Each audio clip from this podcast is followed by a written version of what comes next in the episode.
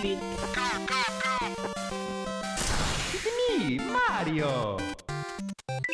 Control alt, delete.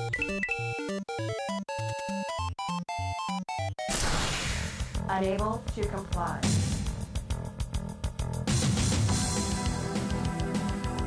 Unit under attack. Auto shutdown. Sequence in progress. Ready to serve, my lord. Hei og velkommen til Kontroll Alt Elite. Og i dagens sending så skal vi ha om Dragon Age 2, jordskjelvet i Japan, Selda Infamous og masse andre snacks. Det er bare å følge med her med oss på Radio Revolt.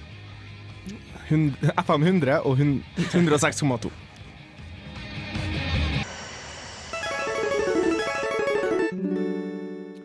Etter litt snubling i starten, så er vi endelig tilbake med Kontroll Alt Elite, spillprogrammet her på Radio Revolt. Og jeg tenkte at jeg skulle bruke anledningen til å introdusere studio. God dag, Hallgeir Bøhøg. God dag, Og Erik. god, og god dag, Bård Restad. Hei og hopp. Så det vi bruker å gjøre, da, det er det at vi bruker å eh, gå litt rundt bordet og fortelle hva vi har gjort den siste uka siden sist sending. Og eh, Hallgeir, kan ikke du starte? Spilt masse Dragon Age 2, så klart. Ja. Det er vel egentlig bare det jeg har gjort. Spilt masse Dragon Age 2 hele Ja. tida. For det er et ganske langt spill. Ja, det er jo ikke like langt som Dragon Age Origins, da. Uh, og det er egentlig ikke negativt. Nei, Bård? Jeg har også tatt og binga Dragon Age 2 som bare det, og jeg er også glad for at det ikke er like langt som Dragon Age Origins. Na lange dungeon i Orsemar var nesten uh, nok til å stanse appetitten midt i spillet der nå. Heldigvis så har ikke Dragon Age 2 noen så lange quester. Nei, for at eh, jeg har jo fulgt med dere litt, for at vi har en uh, mail her i radioen. Uh, nerd at radiorevolt.no, hvis dere har lyst til å sende oss en mail. Uh, hvor dere mer eller mindre hadde en sånn liten rosa blogg om hva som har skjedd i Dragon Age 2. For at vi har også hatt uh, Khalid Assam, tidligere Kontroll Elite, og uh, jeg tror også Marte Hedenstad, Ja. Som også har spilt spillet. Og det, det er liksom sånn Ja, jeg har vært kjæreste med hun, men så likte ikke jeg hun, og så han, han tåler ikke jeg i hele tatt. og Ja, det er jo sånn i eh, de fleste spillene fra BioWare som har kommet ut det siste, at du, du jo Du skaper jo relasjoner mellom lagkameratene dine, og Dragon Age 2 er jo intet unntak akkurat der. Nei, så det blir jo sånn at det er liksom Du sitter og snakker om forhold, og hvordan den personen ser ut, og hvem du skal ligge med da, i løpet av historien, eller hva som er planen i hvert fall. da. Personlig så må jeg meddele at det er en viss alvefrøken jeg endte opp med, sjøl om jeg har litt artig med en sjørøverkaptein i starten. Ja, se der, ja. Samme her. ja. For min del så har det blitt uh, Street Fighter, fordi at uh, som jeg nevnte tidligere i programmet, så eh, har PC-en min gått til helvete, og jeg har lida under det. Jeg har også funnet ut det at du kan bruke PlayStation-spaken din på PC-er, så jeg har spilt litt gamle Super Nintendo-spill på PC-en, og det har vært veldig artig. Videre, hva skal vi egentlig ta for oss denne uka? Vi har jo en anmeldelse av Dragon Age 2. Vi har det. Og den blir veldig interessant, for eh, da Bård og jeg har spilt det på hver vår konsoll, så får vi en litt nyansert anmeldelse. Og det som er litt spennende, er jo det at uh, vi rett og slett har spilt det på to forskjellige konsoller. For at det er som oftest veldig stor forskjell. Så hør på oss. Her kommer My Generation med The Who. Hello?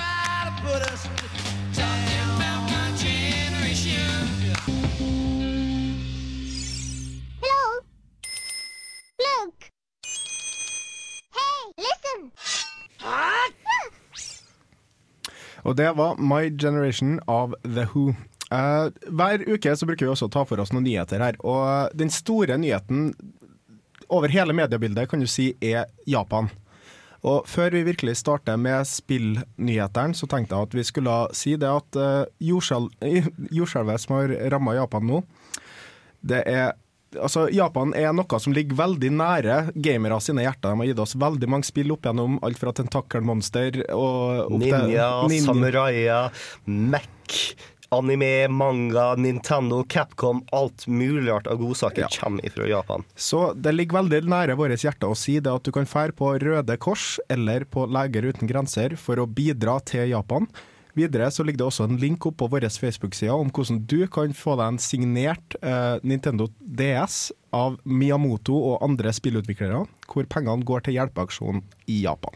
Japan har gitt oss så masse at det er på tide å gi noe tilbake. Ja, ikke bare tenne et lys. Mm, det, det koster Altså, du kan heller bruke pengene du ville ha brukt på det lyset, til å sende til dem. Ja, for at det kommer til å hjelpe mye mer.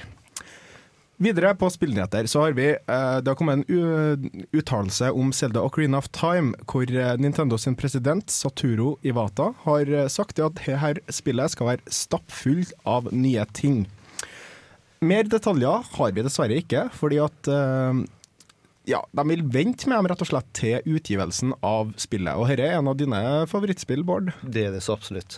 Og det er én ting de har uttalt seg om, og det er at Master Quest kommer ut. Ja. Master Quest har jo hatt muligheten til å ta og spille dersom hun spilte det som kom ut på GameCube og sånt. Men eh, jeg har lyst på mer. Du kommer til å kjøpe det igjen? Å, utvilsomt. Jeg sitter egentlig bare og, og håper at de ikke bare legger til masse nytt, men at de òg tar vekk noe. De kan ta vekk Water Temple. Vel, på en måte så tar det vekk frustrasjonen fra Water Temple. Fordi at en av de store frustrasjonene der nå var at du måtte gå inn i menyen, finne tak i boots, velge boots, og gå ut i den menyen igjen. Nå er det bare å ta trykk på touchscreen, så er det boots. For det vi, vet, det vi vet er at de allerede har bedre grafikk og en interface som gjør at swappinga mellom våpen og items er mye enklere. Så det er jo en stor fordel. Videre, Infamous 2. Uh, PlayStation-spillet ble veldig anerkjent. Actionspill hvor du styrer en med lynkrefter, mer eller er mindre. Cole. Cole, ja. Og eh, det, det var jo stor kontroversiell om det, han Cole, da. For at i det nye spillet så så han så mye mer typical action hero ut. Yes, skata. Ja, han skata, og så var han litt edgy, og yeah. han hadde ikke barbert seg på et par dager. og, men nå er han da tilbake til sin opprinnelige form, og Infamous 2 går ut i beta 21. mars i Statene, og vil senere komme til oss vanlige dødelige i Europa. Spillet lanseres den 7. juni. Er det bra, egentlig? Jeg har aldri prøvd det. Jeg har jo ikke PlayStation, så Nei, jeg spilte eh, demoen. Eh, Det var veldig artig. Du kan plukke opp biler og kaste på folk. Du kan eh, charge ting som er liksom elektronisk. Og så er det sånn et moralsystem som er i alle actionspill for tida. Jeg har tatt og runda og prøvd det på en platinum, men det er så mange småting vi er nødt til å ta og samle at de rett og slett ga opp. Men det er et spill som er verdt å spille dersom du er glad i superhelter og moralske valg à la Bioware-spiller. Jeg har vært så overvelda med samme det kom, for det kom jo flere sånne type superhelter. Ja, Prototype kom ja, samtidig. Prototype og The Darkness er jo litt Mm. sånn Alle de der kom jo samtidig, så jeg visste ikke hvem jeg ville ha av dem, så jeg bare ga opp og kjøpte ingen av dem. Infamous var fasitsvaret. Ja. Det, det kommer også ut en Prototype 2, men eh, ja, vi, vi kommer til å følge saken videre, i hvert fall. Ny, videre så har vi en ny trailer av Batman Arkham City, som kom ut på PAX East. Og PAX er da Penny Arcade Expo, som er laga av dem som har den uh, populære uh, webkomikken Penny Arcade. Uh, der ble det vist eh, litt om gameplayet, tror jeg. Litt CG. Og det ble også annonsa at The Riddler har blitt avs eh, avslørt som hovedskurken i spillet. Er det? Ja, det ble annonsa for et par timer siden, eller noe sånt, faktisk. Ja. Vel, det er fantastisk, for Riddler var en av de beste skurkene i Arkham Asylum, til tross for at du faktisk ikke så en. Mm. Han bare var nå i ørene og tånte hver eneste gang du fant tak i en gåte. Og eh, det som er litt artig, er jo at han, han hadde veldig mange gåter i uh, Arkham Asylum, og nå har han kommet tilbake da som uh, storeslem. Uh, det er en ting jeg lurer på. Hvorfor heter det Arkham City? Hvorfor heter det ikke Gotham City? Fordi at eh, det har Etter Arkham Asylum så ble Arkham eh, brutt ned noe sånt som det nå, og han som var lederen for Arkham, eh, tok og fikk byen til å utvide Arkham. Så de har tatt en bydel, der er en av de mest shabby bydelene, og mura den inn og gjort det til Arkham City, som er minner kanskje egentlig litt om eh, enten No Man's Land dersom du har lest tegneseriene, eller Escape from New York dersom du liker film. Videre i sendinga skal vi få med oss en Dragon Age 2-anmeldelse av Bård og Hallgeir. Du hører på Kontroll alltid litt. Mitt navn er Erik Vibe. Stay tuned.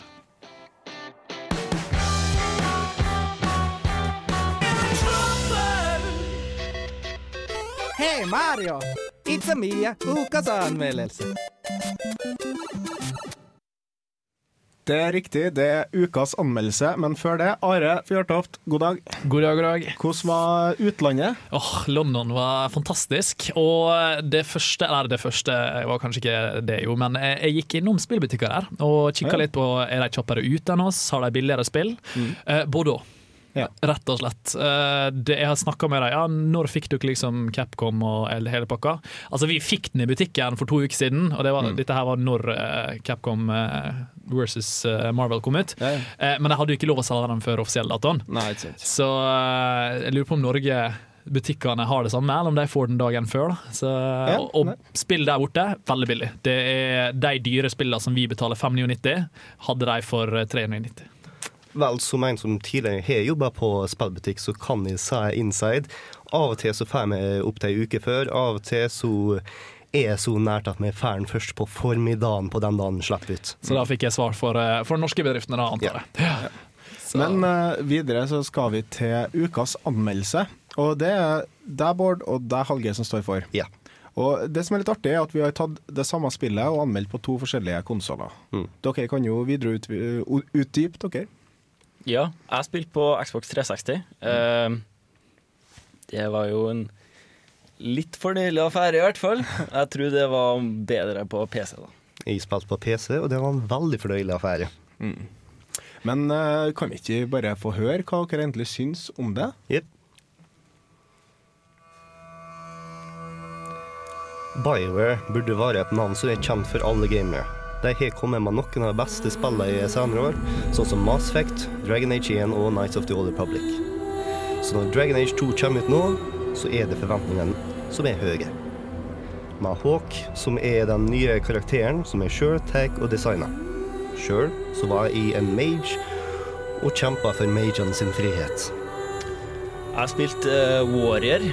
Jeg spilte òg, og skulle støtte magene og var en eh, kriger for rettferdighet.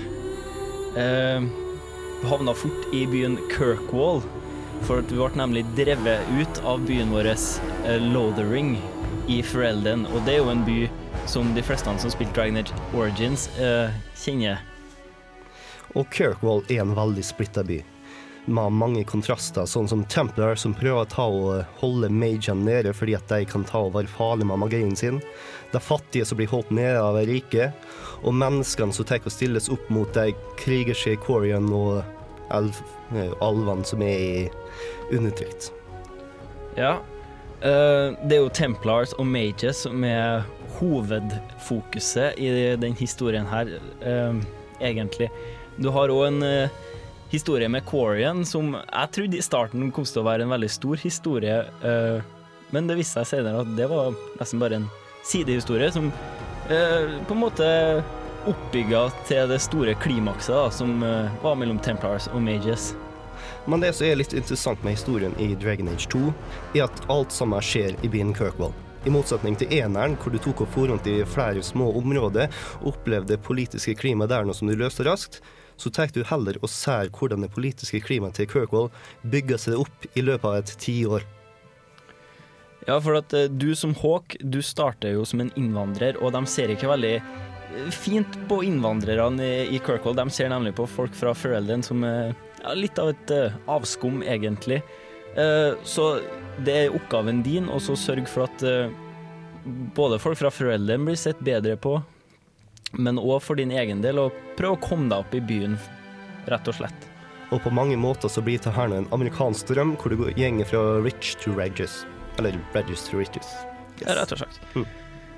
Så settingen er jo at du og vennene dine er rett og slett nye i byen og skal prøve å komme dere opp. Og det er veldig annerledes da fra Dragon Age Origins, der du er en Grey Warden som bærer vekta til hele verden på skuldrene dine, der du skal redde foreldrene fra The Blight da, og The Archdemon.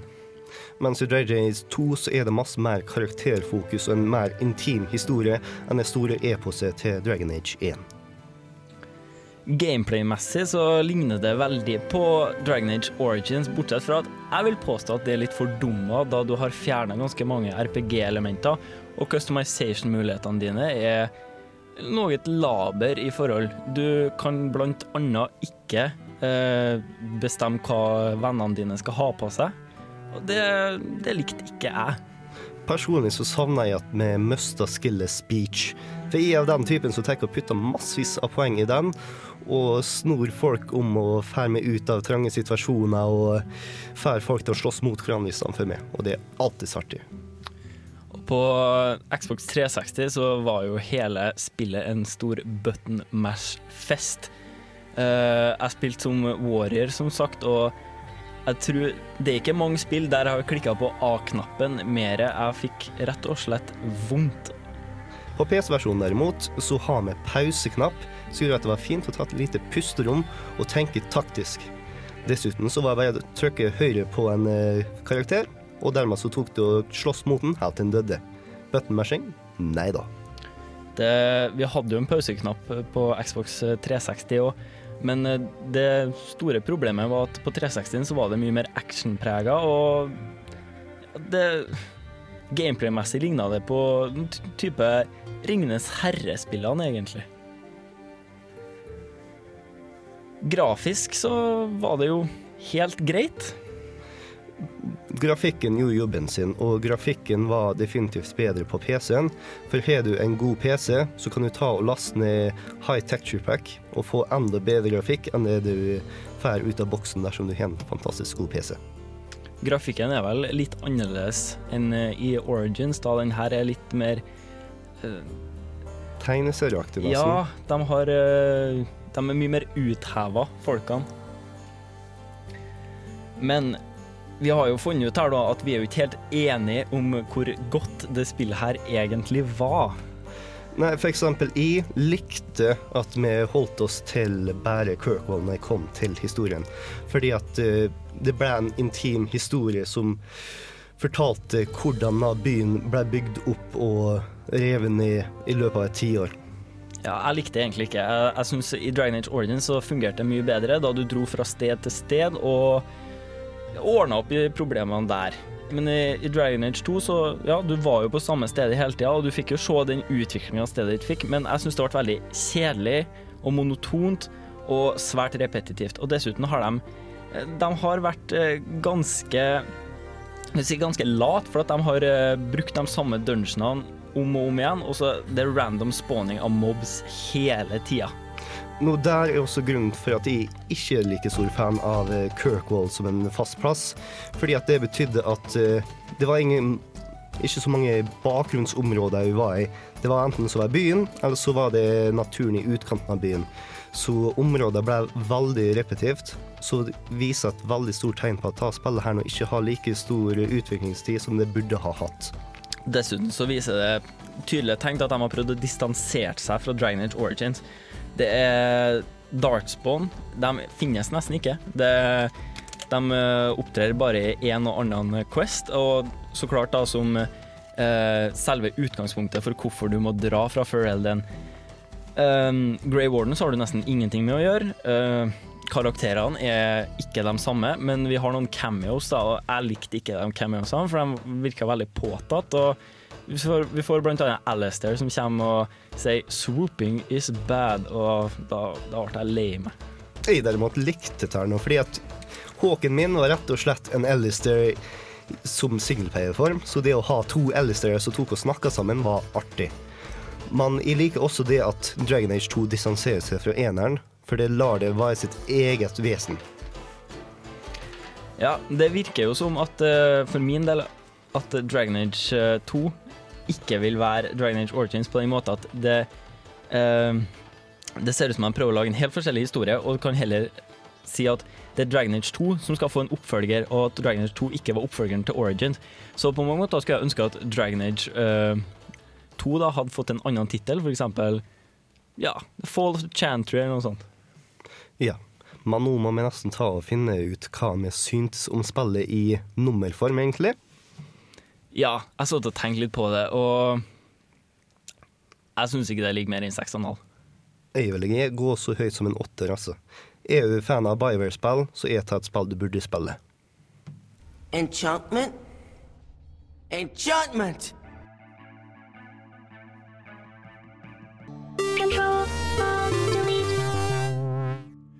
Det var en anmeldelse av Bård og Hallgeir som tok en live her på lufta. Jeg syns dere gjorde det bra, gutta. Det var kjempebra. Ja, Interessant. Interessant. Men uh, spillet var ikke like godt i dine øyne, Hallgeir. Nei, men jeg tror det har med preferanser å gjøre. Det er en helt subjektiv vurdering, og jeg følte ikke Jeg synes Det ble så snevert, og det, ble, det ble for lite storslagen til 30 timers RPG for min del. Jeg ble sugd inn i 37 timer med gameplay, og for meg så er det en god opplevelse. Men eh, Dragon Age er vel veldig kjent for å slenge med sånne ekstrapakker. Eh, blant annet du også nevnte vel at eh, du var litt synd at den ene sidequestet kanskje ikke var så stort. Så det kan jo hende rett og slett at de bygger på flere armer på dette spillet her. da. Og eh, historiemessig så kan jo det bidra. Det har jo allerede blitt annonsert eh, The Fallen Prince, eller noe sånt. Den har kommet, den kom ut samtidig med spillet, og har jo forhåndsbestilt, sånn som i år. Så fikk du det gratis. Ah, ja. Og The Fallen Prince er en ekstra NPC, som er egentlig verdt å få med seg. The Black Emporium er en uh, butikk hvor du får en veldig awesome våpen, og du kan endre utseendet, og du kan få med hunden din. Ja. Men uh, Erlend Kobro, også tidligere Kontroll Alt Elite-medlem, nå Internettet, har laga en sak til oss angående spillindustriens kommersialisering. Så det tar vi en titt på nå. Eller lytt.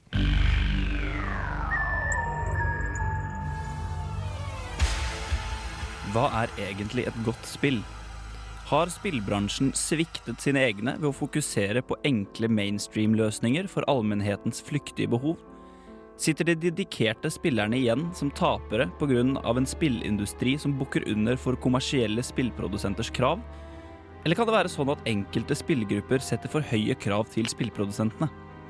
Hvordan kan spillindustrien klare å tilfredsstille alle målgrupper, og samtidig tjene penger på et medie som i stor grad piratkopieres og lastes ned kostnadsfritt? En av de største og mest respekterte spillprodusentene i dagens spillindustri, BioWare, er kjent for å levere gode, innholdsrike og velproduserte spilltitler til glede for dedikerte spillere de siste 20 årene. Dyptgående rollespillhistorier og velutviklede spillsystemer har appellert til en målgruppe som ikke lar seg imponere av de middelmådige, ukentlige blockbuster-utgivelsene.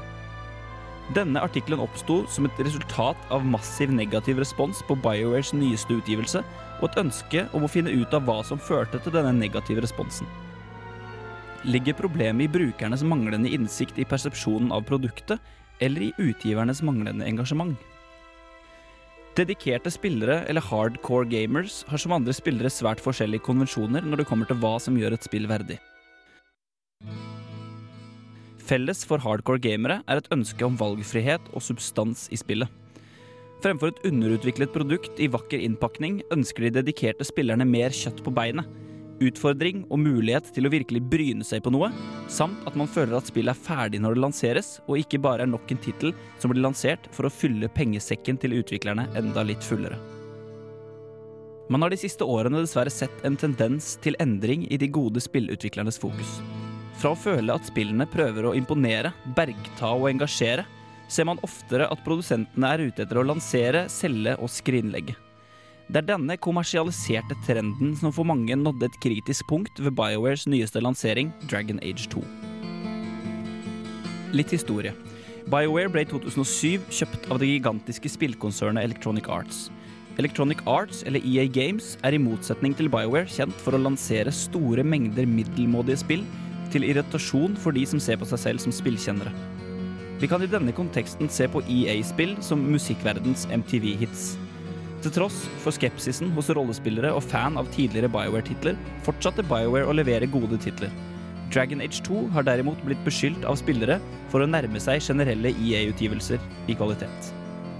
Det kan være verdt å nevne at dette er beskyldninger som også kom til overflaten ved BioWares utgivelse av Mass Effect 2 for et år siden, men ikke i så stor grad som nå.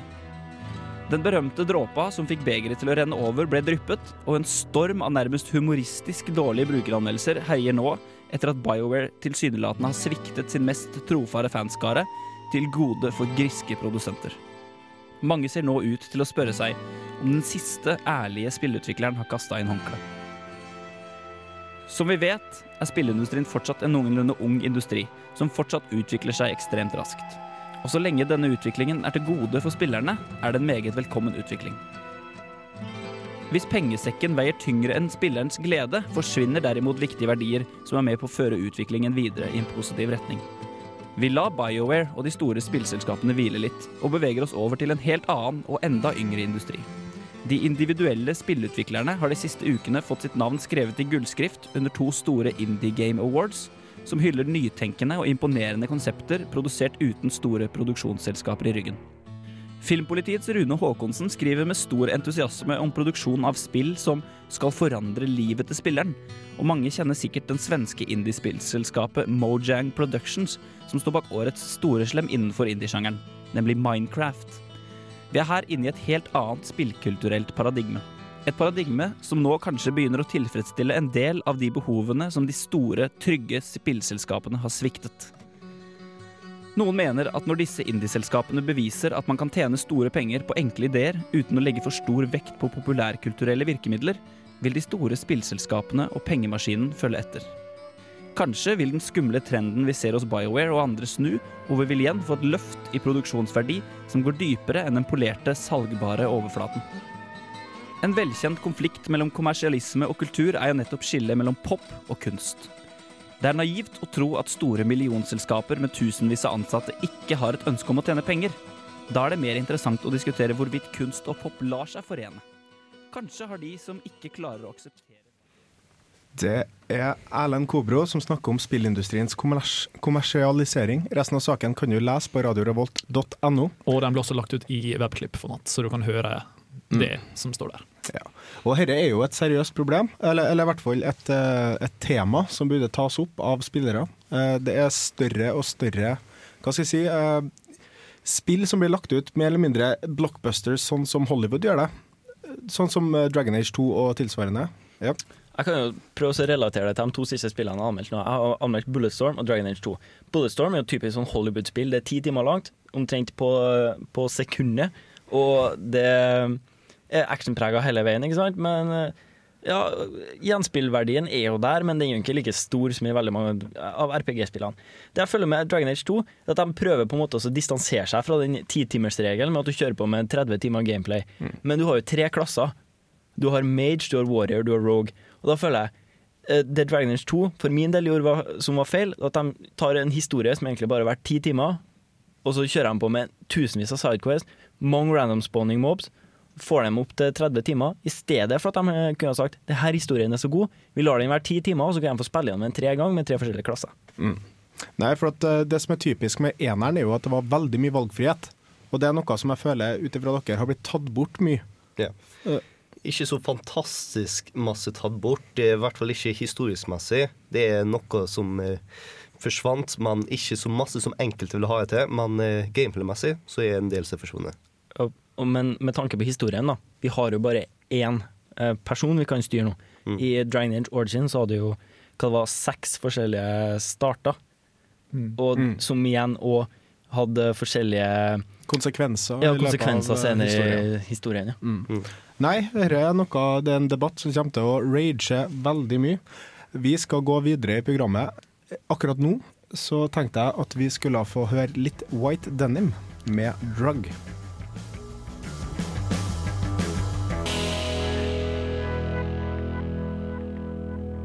Are going to have to act if we want to live in a different world. Affirmative. Kontroll, alt, delete gir deg musikk for gamere. Initializing now. Kontroll, Det er riktig. Du hører på Kontroll Alt Elite, og vi skal ha litt spillmusikk her. Eh, bandet heter Anamanaguchi, og de lager hva skal jeg si, litt rocka 8-bits. Eh, det var dem som sto bak eh, soundtracket til spillet Scott Pilgrim vs. The World, altså spillet som kom ut på PlayStation Network og på XBL. Og de har gitt ut to eh, album før det albumet til spillet, da. Og Dette kommer fra da spillalbumet. Den heter Another Winter. Her er Anamanaguchi.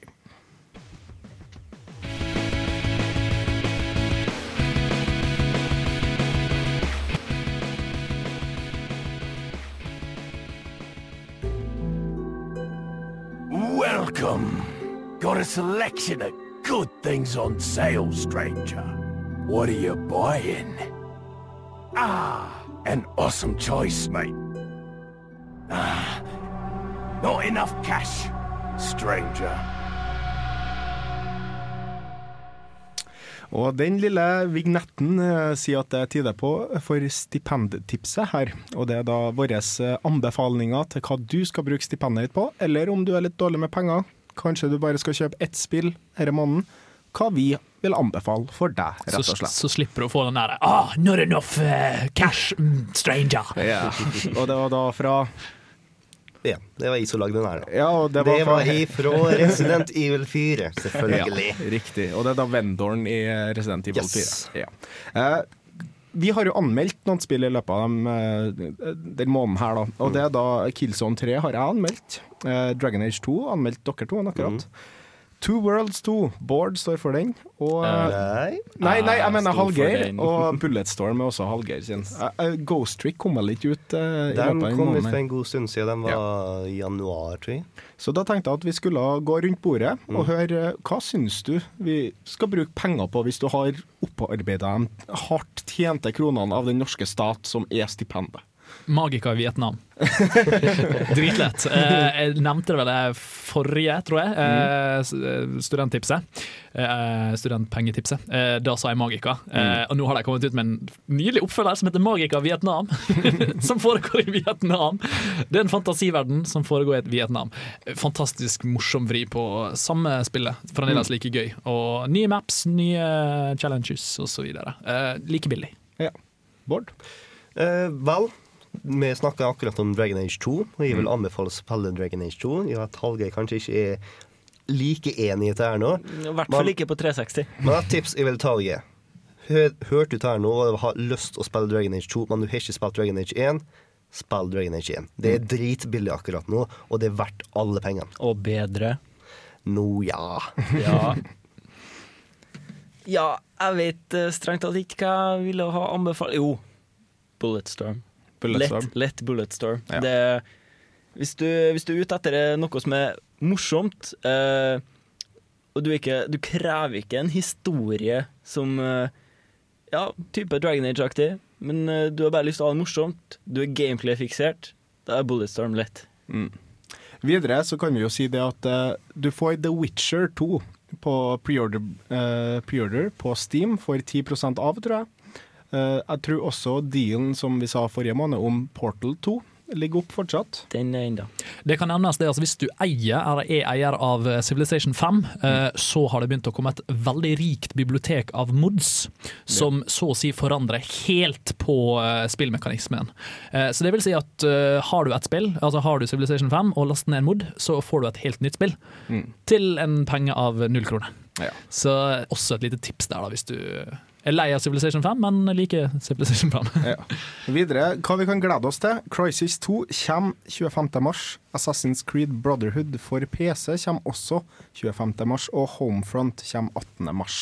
Shogun Total War kom ut i går. Ja. Eh, Det får dere anmeldelse av i neste uke, så dere kan jo eh, spare litt på pengene. Og så hører dere neste sending. Da skal jeg ta og anmelde Shogun Total War. Og videre så har vi en gladnyhet til alle våre lyttere. Spaceworld, vår samarbeidspartner, eh, tilbyr 30% på alle AKG-hodetelefoner hvis du sier kodeordet 'studentradioen' til Spaceworld. Så hvis du har lyst på nye plugger eller hodetelefoner av merkevaren AKG, så kan du faktisk få det for en rimelig penge på Spaceworld. Tusen takk til Spaceworld. Ja, please smooth, ass.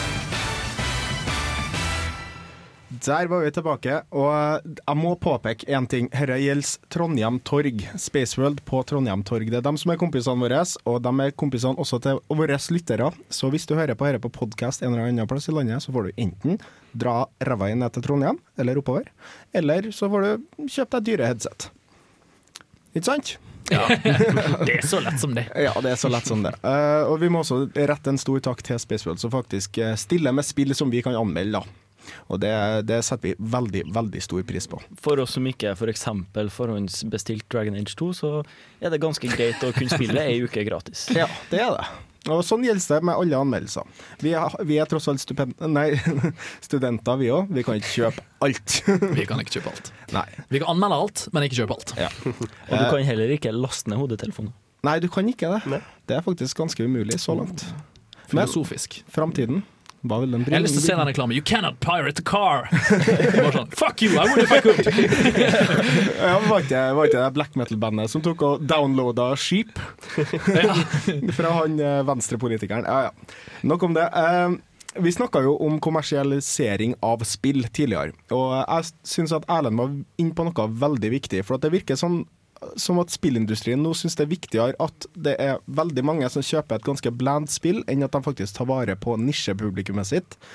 Mange spill sånn som eh, både Final Fantasy og eh, nå Dragon Age og tilsvarende spill har det sånn at det ofte blir mer tilgjengelig når det først eh, slippes for tida. Og det er jeg litt redd for med tanke på BioWare, når de først har gjort det her med Dragon Age 2. Hva kommer til å skje med Mass Effect 3? Ja. For det var allerede folk som klaga på Mass Effect 2. Ja, jeg var blant dem. Altså, klaga, der klaga jeg på at det var en fordumming av gameplay, men historien var veldig sterk. Og det er jo rett og slett fordi mange anklager jo EA for å liksom bare slenge ut eh, spillet hele tiden. Og det er for så vidt riktig med sportsserien der, da. Eh, Men det som er så dumt, er at disse her store episke spillene som bør brukes lang tid på, Mm. får det samme skynd dere, skynd dere, skynd dere-prinsippet som disse her sportsspillene, som jo tross alt eh, det er et årstall bak deg. Fifa 0, eller Fifa 11, eh, Madden 11 osv. De kommer ut en gang i året. Mm. Men sanne spill som er svære, de må bruke mer tid på det. Jeg så en sammenligning mellom eh, filmen Avatar og eh, spillet Call of Duty Modern Warfare 2. Og Der var det rett og slett det utviklinga av Avatar var 150 millioner dyrere. Men Uh, igjen så hadde uh, Modern Warfare 2 en uh, reklamekampanje som var 50 millioner dyrere enn eh, Avatar. altså Det er en ganske stor film. Og Grunnen for at spillutviklingen gjør det her nå, er fordi at det har enkelte spill som tar og er tent pole, for å si det sånn, så holder budsjettet oppe. Det er livsviktig for Activision å ta og selge Call of Duty, fordi at mesteparten av budsjettet til Activision kommer fra Call of Duty. Og vi må jo huske på at eh, de har jo ansatte, dem òg, som skal ha penger, de har familier. Det, Men altså, det er jo en industri, det her òg. Det er også en grunn for at de ikke tar så mange store sjanser på oss, store blockbusterne her nå. Fordi at hvis de feiler, så feiler hele budsjettet. Da er det ikke bare så småspillere som har muligheten til å ta sjansen på. Alt sammen detter i Søndergrus, hvis ingen liker det store spillet. Ja, det, det blir samme for meg òg. Altså, jeg kommer til å sette min lit i nisjemarkedet, som er nå, eh, mer eller mindre indie-spillene. Og eh, altså, det er ikke noe annet å gjøre. De store utviklerne kommer ikke til å i hele tatt bry seg. For at de kommer ikke til å få solgt en Sui-koden 7 eller noe sånt, der, for at det er kanskje meg og et par japanesere som kommer til å kjøpe det. Japanere, unnskyld. Men uansett, sjekk oss ut på Facebook. Jeg er Erik Vibe. Hallgeir Buhaug. Bård Øste. Are Fjørtoft. Og vi hører deg neste uke. Du hører oss med deg. Ha det bra! Ha det! Sayonara.